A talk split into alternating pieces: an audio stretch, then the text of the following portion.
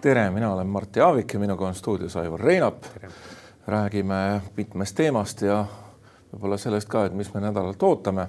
aga esimene lugu on selline, mis ausalt öeldes toob äh, eriti vastuseid kuuldes ja niisugust kuidagi imelikke vastuseid kuuldes lausa kananaha jõule lapsevanemana, et kuidas on võimalik, et inimesed saadavad oma lapsed trenni ja spordiklubi suhtumine on see, et, et võib-olla ei olegi midagi hullu, et, et üks treener seal tüdrukuid ahistab. jah, sa pead silmas eelmine nädala lõpupoole siis äh, plahvatanud skandaali, kus äh, üks naisterahvas äh, no tunnistas või rääkis oma loo, kuidas Nõmme kaljus praegugi treeneri ametit pidav brasiillane oli temast elukaaslane, et siis, kui ta oli neljateistaastane, treener oli viiekümne kahe aastane, et et elasid siis pikk, pikemat aega koos ja ja väide oli, et, et klubi teadis ja, ja midagi ei teinud, et, et see võib-olla selle, selle juhtumi puhul panebki kõige rohkem imestama, et, et selline noh, õlgatükk ehitamine, selline suhtumine oli selline. ju siis on ja, ja võib-olla tahab ja. et kujutage, kujutage ette, et viiekümne kahe aastane noh, vana, ma ei ütle, et vanamees, no okei okay,, viiekümne kahe aastane mees siis neljateistaastase lapsega elavad kokku ja see on nagu täiesti normaalne, et kui eile keegi vaatas või üleeile Postimehe otsestuudiot, kus, kus ka brasiillane rääkis, siis tema jaoks oli see täitsa nagu tavaline, et armastus tuleb, armastus läheb, on see siis lapse vastu või, või mitte, on ju, et, et selline noh, lillalapselik suhtumine nagu, et vastutust mitte mingisugust, kui ise tegeleb veel treeneri ametiga no pigem on äh, maailmas olnud ikka nii päris sageli nende juhtumite puhul, et äh, et selliste haiglaste kalduvustega inimesed otsivadki endale neid töökohti, kus nende ohvrid oleks neile lähedal, otsivad äh, mitte ainult töökohti, vaid ka nii-öelda heategevusprogramme, kus siis endale ohvreid otsida ja see on väga rõlge, et ma olen ka kuulnud siin, et vaat ikka on maailmas varjundeid on palju ja vaadake Macroni siis Prantsuse presidendi Macroni lugu ja nii edasi. aga ma arvan, et äh, suhtumine peaks olema ikkagi ühine, ühene, et, et see ei ole sobilik, et täiskasvanu mitte mingil tingimusel, et täiskasvanu käib endale otsimas partnerit koolist, äh, lasteasutustest, äh, trennidest, kust iganes. ja sellesse tuleks sekkuda ju ometi. see kummaline ongi, et, et see väide oli, et kõik teadsid ja midagi ei teinud, et, et nad käisid igal pool avalikult ja, ja, ja, ja sel hetkel ei pannud keegi selle imekski, et et, et noh, see, see paneb mind kõige rohkem imestama, et oleks see sel hetkel juba ju välja tulnud, oleks ju saanud ju arutada ja võib-olla kuidagi nagu sekkuda, aga et aga nüüd tundus nagu, et see kõik oligi normaalne. see on selline noh, nagu kiskja käitumise muster, et eh, nad ikka otsivad selliseid, kellel eh, midagi on nagu pere lagunenud või või näha, et, et on keegi, keda ei kaitsta, kellel võib-olla ei ole seda tuge kohe oodata, et, et isa tuleks ja lööks korra majja, eks. no seal jäi mulje ka, et ambitsioonikas noor, kes tahtis elus edasi jõuda, siis tuleb treener, kes ütleb, et et mul on tutvusi Euroopa klubides või mujal on ju, et, et noh, kasutab nii-öelda oma positsiooni ära selles, selleks, et, et inimene oma ambitsioone täites siis annab midagi vastu, et, et see, see mulje jäi vähemalt jah, et vaat me ootame ju lastega tegelevatelt asutustelt ja klubidelt seda, et eh, kuni viimase vindini oleks turvalisus tagatud ja kõik oleks selge. ja samas lastakse siis eh, tegutseda põhimõtteliselt kiskjal aastaid ja aastaid ja aastaid ilma sekkumata. no seal, seal eraldi suur teema muidugi, et milline on klubi vastutus. et okei okay,, et kui, kui see inimene seal juba tegeles oma tegudega, et et klubi peab ju vastutama, et tema on ju, ju võtnud selle inimese tööle ja, ja, ja andnud need eh, oma lapsed tema juhendada, et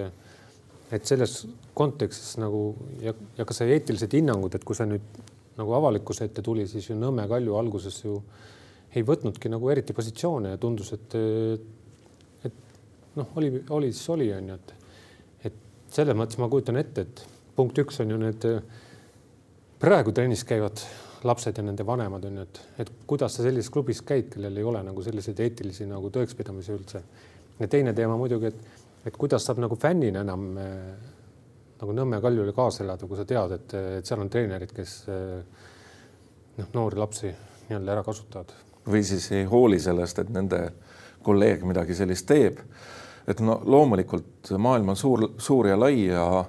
ja spordiringkondades või spordiklubides ja koondistes on selliseid juhtumeid varemgi välja tulnud ja Ameerika õigussüsteem on muidugi teistsugune, aga on ka juhtumeid, kus äh, lõppkokkuvõttes kahjutasud, mida välja makstakse selliste haigete inimeste tegutsemise tagajärjel ulatuvad sadadesse miljonitesse. ja väga noh, võib-olla isegi sellise verd tarretama paneva vastiku loo peale on paha nii öelda, aga mõnes mõttes on ikkagi huvitav näha, et kuidas siis see nüüd Eesti õigussüsteemis lahendatakse Te,. teine teema, mis on nüüd, nüüd huvitavalt üles tulnud ja noh, õigesti ja õiglaselt üles tulnud, on see, et et kus peaks olema see piir siis, kui vanalt võib eh, nii-öelda laps täiskasvanud inimesega seksuaalsesse vahekorda astuda, et kui täna on piir see neljateistkümne peal ja mäletame väga hästi, et siin aastad on see vaidluskord üles tulnud ja selle alla läinud, et, et kas see piir võiks olla kuusteist või mitte, et et nüüd on selle nagu üles kerkinud ja, ja õigustatult, et kui on, kui on nagu juhtum, mille baasil on võimalik nagu järeldusi teha, et siis, siis kahtlemata see diskussioon nüüd tõenäoliselt ühiskonnas üles kerkib taas. ja et Eesti ei ole küll eh, erinevalt väidetest, mis on esitatud ka kõige madalama eh, seksuaalse enesemääramise vanusepiiriga riik Euroopas. seda neljateistkümne aasta piiri on päris mitmetes riikides ja nii palju, kui ma olen aru saanud varasematel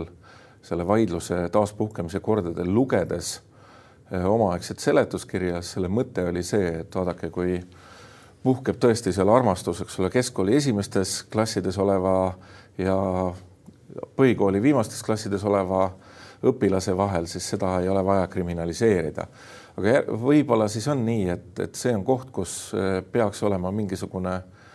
eh, noh, kultuuriliselt ja ühiskondlikult aktsepteeritud vanusepiir, et tõepoolest ei ole eh, noori armastajaid, Romeot ja Juliat põhjust vangi panna, aga, aga näeme ju selle juhtumi põhjal, etki, et, et on selgelt olemas piir, mida me ei taha taluda. sa pead silmas siis vanusevahet või? no näiteks jah, see võiks olla üks lahendus, et, et olekski ka seaduses määratud see kuidagi mõistuspärane vanuse diferents ja minu meelest peaks olema selge arusaam ka see, et et ikkagi koolides, lasteasutustes, spordiklubides, kus iganes noortega tegeletakse, et selline töötaja ja ja, ja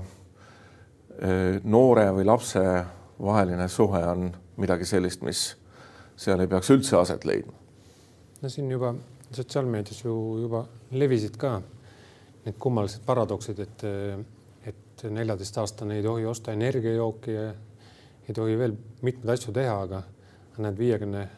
aastase mehega ta võib samas jälle seksida, et see on kõik normaalne. jah, ja ta takkajärgi vähemalt, eks ole, sellel ajal ta ju ei esinenud meile, eks, aga aga takkajärgi kirjeldab siis, kui Eh, mida see tema jaoks tähendas, kui ebameeldiv see oli ja nii edasi, et eh, et pöörane lugu. aga räägime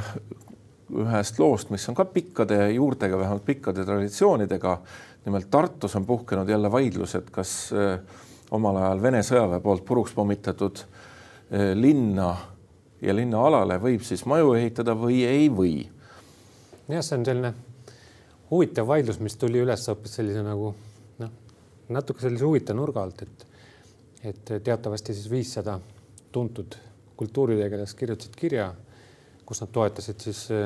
noh, uue riikliku kultuuriobjektina kohalikku siis Sükut. Ehk siis see on siis raamatukogu ja, ja kunstimuuseumi ühishoonet Tartusse, et, et riik oma investeeringukavast seda toetaks. Ja, ja asukohana siis on, on seal toodud siis park Emajõe ääres, mis, mis noh, vist poolenisti läheks siis selle hoone alla, et, et nüüd on huvitaval kombel nagu Tartust noh, tekkinud siis vastasseis. noh, Tanel Tein ja Aur Kalmer, kes seal teisel pool on, et nii-öelda poliitiliselt aktiivsemad inimesed, et, et koguvad allkirju selle eest, et, et ikkagi parke mitte täis ehitada otsida sellele hoonele siis mingi teine koht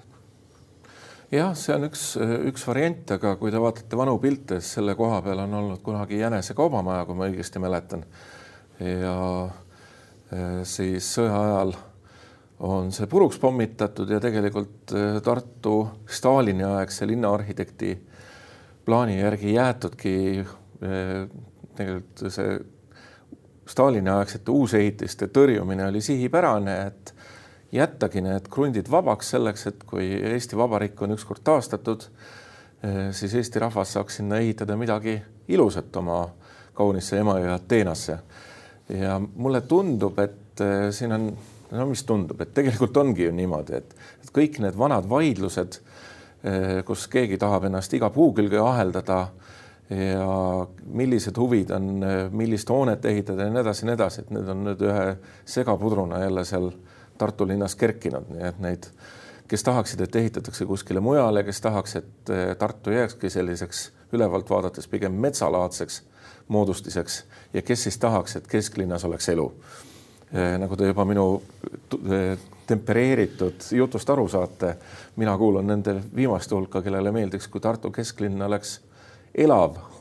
koht ja kus oleks inimesi. mul Tartuga nii otseseid kontakte väga pole, et kaugemalt vaadates ma võib-olla ei tohikski sõna võtta, sest ma ei ole ju Tartuga nii väga seotud olnud, et et teine vaade on ju asjale, et, et kas kõik kohad peaksid olema noh, linna südamesele täis ehitatud, et mäletame seda Harju tänava vaidlust Tallinnas samamoodi, et et tõesti oli ju ennem selle pommitamist oli ka, ka seal ju majad ja, ja noh, tundus ju samasugune nagu, nagu Viru tänav, et mõlemal pool on majad ja milleks seda nagu nagu rohelust on ju, et aga, aga kui sa nüüd oled juba harjunud selle vaatega ja, ja, ja, ja keset linna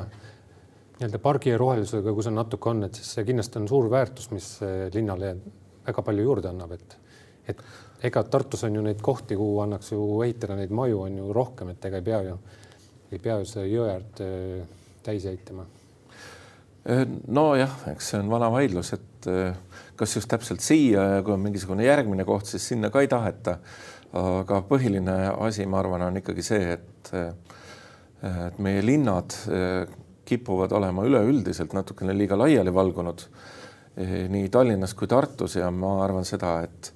et me ei peaks nii hirm, hirmsasti kartma seda, et tulevad linna ka inimesed, et linn ongi see koht, kus inimesed peaksid olema ja las puud olla metsas ja neid pargialasid on nii Tartus kui Tallinnas ka piisavalt. no võtame selle ERM-i nüüd, et kas, kas sinu meelest siis ERM on vale koha peal või? ma arvan, et tegelikult ma arvan seda ka, et, et ERM on vale koha peal, et ERM oleks võinud olla kesklinnale lähemal ja üle pea selline tohutu laiali laotamine on minu meelest eh, pigem selline noh, ma ei tea, kuuekümnendate, seitsmekümnendate utopistlik lähenemine linna kujundamisele, et linn peaks olema ikka üks niisugune kompaktne, mõnus inimeste keskkond, kus tegevused ei ole liiga üksteisest kaugel, kus ei pea tohutult auto või bussi või või ma ei tea, kiirrongiga ringi sõitma, vaid sa saad jalutada ja tõepoolest jalgrattaga sõita ja ja oledki ühest kohast teise jõudnud. no just nimelt sa nimetasid jalgratta, et ERM ju asub suhteliselt ikkagi kesklinna lähedal, oleme ausad, et see ei ole ju nii pikk maa ka, et sinna ei jõua nüüd minna, et no mina olen igal juhul väga vastu sellele, et eh, seltsimees Stalini eh, kuriteod ja punaväe pommitamised kujundavad veel praegugi meie linnaruume ja mõttemaailma, et eh, sellest tuleks lahti saada ja ehitada see Eesti üles. okei okay., aga seal jah, teine pool oli hoopis see, et eile, eile siis Postimehe veebis tõusis üles hoopis teist laadi nii-öelda konflikt, et, et tuntud arvamuse kujundaja või, või PR-tegelane Meelis Kubits siis kirjutas sellest, et, et kas need viissada kultuuritegelast, kes nüüd toetavad seda Tartu kultuuriobjekti, et kas nad, kas nad ei nii-öelda ei tõmba tekki liiga Eesti, Eesti mõttes nagu enda poole, et, et nad elavad ju nagunii nii hästi, et, et iseenesest saaks ju Tartu oma need muuseume ka oma rahadega ju laenudega valmis ehitatud, et, et miks riik ei toeta strateegiliste kultuuriobjektidena noh, strateegilisi kohti pigem, et, et ta pidas silmas siis Narvat, kes on jäetud viimase kolmekümne aasta jooksul täitsa üksinda, et siin ei ole suurt midagi väga ehitatud ja, ja et talle tundub, et seetõttu ka ka narvakad on nii-öelda Eesti riigist kaugenemas või kaugenenud, et, et kontakt ju puudub, kuna ka Narva võim on olnud selline kahtlane, keda riik ei ole tahtnud toetada noh, keskvõimu tasandil, et nüüd, nüüd alles, kui Katri Raik on seal linnapeaks saanud, et nüüd on vähemalt tekkinud selline partner, kellega on võimalik mingisuguseid asju koos ajada. see on muidugi see jutt on osaliselt õige, sellepärast et kui sa hakkad läbi aastakümnete regionaalarengu rahade suunamisi kokku lugema, siis ei ole see Narva ega Ida-Virumaa ülepea sugugi olnud niisugune vaes, vaene laps, kellele mitte midagi ei anta, vaid vaid üsna vastupidi, et proportsionaalselt on nad ikkagi päris palju saanud aga see on ajalugu. aga mõistagi, see on nagu veel eraldi vaidlus, et kas linnaraamatukogu on selline objekt, mis peaks olema äh, siis äh, sarnaselt ERM-ile äh, see suur riiklik projekt, mida toetatakse või peaks see olema mingi muu asi. nii et nagu me juba alguses vist tõdesime, et siin on väga palju erinevaid ja klassikalisi vaidlusliine koos ja võib-olla see pundar teebki ta omamoodi huvitavaks, aga selle lahti arutamine ei ole jälle nii kerge. aga loomulikult räägime lõpetuseks ka eh, klassikalisest teemast, täna mõtlesime, et paneme selle viimaks, viimaseks. Eh, ja see on eh, meie koroonaviiruse olukord ja olud on sellised, et seitsesada üksteist inimest praeguste andmete järgi on haiglas, mis peaks olema meie läbi aeg või ütleme läbi selle aasta rekord ja juhitaval hingamisel nelikümmend viis inimest. ja nakatumise, nakatunute osakaal siis eilsetest testidest oli üle kahekümne protsendi. muidugi, mis on eh, jällegi hea märk, on see, et kui vaadata nüüd seda nakatumiskordaja kõverat, mida Krista Fischer ja tema kolleegid välja arvutavad kord nädalas,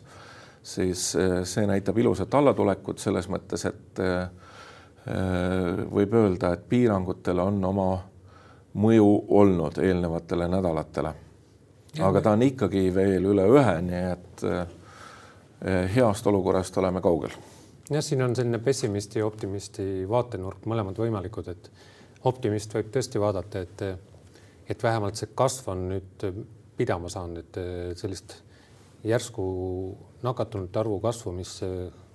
päevast päeva, nädalast nädalasse nagu kogu aeg edasi keris ja tundus, et me ei saagi seda pidama, et see on vähemalt saanud pidama, et et numbrid hakkavad vaikselt allapoole minema, aga kahtlemata need numbrid on ikkagi veel väga-väga suured, et mingit rõõmustamiseks siin küll mingit põhjust ei ole, et me oleme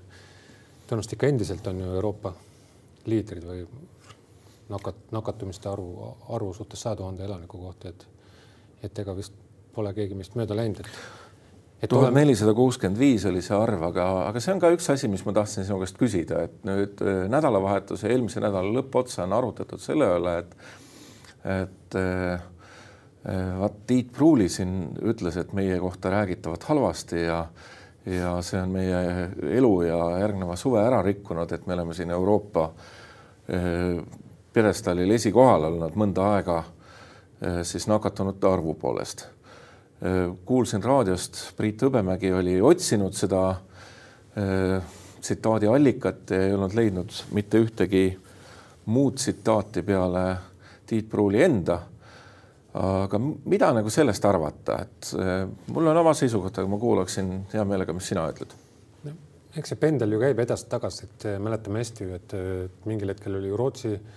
häda, häda ja org on ju, nüüd on nad hoopis teises kohas, et need numbrid muutuvad riikide tasemed samamoodi, et, et ega kui keegi hakkab ju kuskile riiki minema, kasvõi reisima või, või, või puhkama, et, et ega ta ju vaatab siis selle hetke taset. et küsimus on, et kas see riigi numbrid on usaldusväärsed ja ma usun, et Eesti numbrid on ju usaldusväärsed, et, et proove võetakse ju suhteliselt palju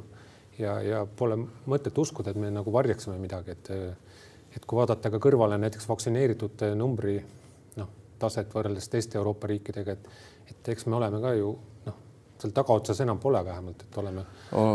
Eesti on oma vaktsineeritute arvult ikkagi üle Euroopa Liidu keskmise, et kas see veidi üle kümne protsendi nüüd siin on, on hea või halb, see on omaette küsimus, aga me ei ole kuidagi seal tagaotsas, aga mina mõtlen, ma mõtlen tegelikult täp, üsna samamoodi, et neid esikoha omanikke on selle aasta jooksul olnud oi-oi kui palju ja on mõned üksikud riigid, kellel on õnnestunud kas oma geograafilise asukoha äh, ja hea tegutsemise kombinatsioonis olla siis sellised, kes pole kunagi seal eesotsas olnud. noh ma..., nagu Soome näiteks või Norra, eks. mõtle nüüd näiteks Wuhani peale, et kui sa Hiina läheksid, et ma pigem isegi läheks sinna Wuhanisse selle tõttu, et eh, näha sama silmaga, mis seal oli, et mul ei ole nagu seda hirmu küll, et kui, kui, kui see oli nagu kunagi kriisi tipp või, või kuskil ka Itaalias, et, et ega siis see, olukord on muutunud, ega see viirus siis seal tänavatel edasi ei varitse ega, ega kõiki kinni püüa, et et selles mõttes ei tasu nagu üle mõelda, et tuleb leppida sellega, mis on ja, ja võidelda, et meie numbrid läheksid paremaks, aga, aga mingit sellist võltshirmu, et nüüd me peaksime häbenema, et kui numbrid on kõrged ja peaks, ei tohiks sellest nagu rääkida, et see tundub kummaline. jah, et äh, ikkagi asja sisu on see, mille pärast tuleks need numbrid alla saada. Ja kuigi äh, meditsiinisüsteemi toimimas hoidmine on, on nagu selge selge ja loogiline arusaadav eesmärk ja see on olnud äh, tegelikult nende piirangute põhjendus äh, üle maailma eelmise aasta, ütleme sellest äh, viiruse pandeemia puhkemisest peale, siis ma arvan, et selle ülerõhutamine praegu on ka noh, pigem selline poliitiline spinn, et tegelikult ju arvud, nakatumine ja haiglasse jõudvate inimeste ja surmade arvud on omavahel paratamatult seo-, seotud ja ei saa küll öelda niimoodi, et poliitikud peaksid vaatama ainult haiglate arvu. kui sa hakkad selle haiglate arvu järgi juhtima, siis, siis tegelikult sa ei juhi ju midagi, siis sa juhid ainult seda fakti, et, et täna on nii palju ja homme naa palju. Sa pead natuke suutma ikka mitu nädalat ette näha. seda küll, aga see haigla arv on väga konkreetne number on ju, et, et ega me ei saa, me ei suuda ju lõpmatuseni neid vastu võtta, et muidugi sa võiks teha sellise taktika, et ütlegi, et kõik jäävad haigeks, nii nagu alguses Rootsis räägiti ja tekib siis eh, antikehad ja inimesed ei nakatu ja viirus läheb niisama minema selle tõttu, et me oleme kõik selle läbi põdenud, aga, aga paraku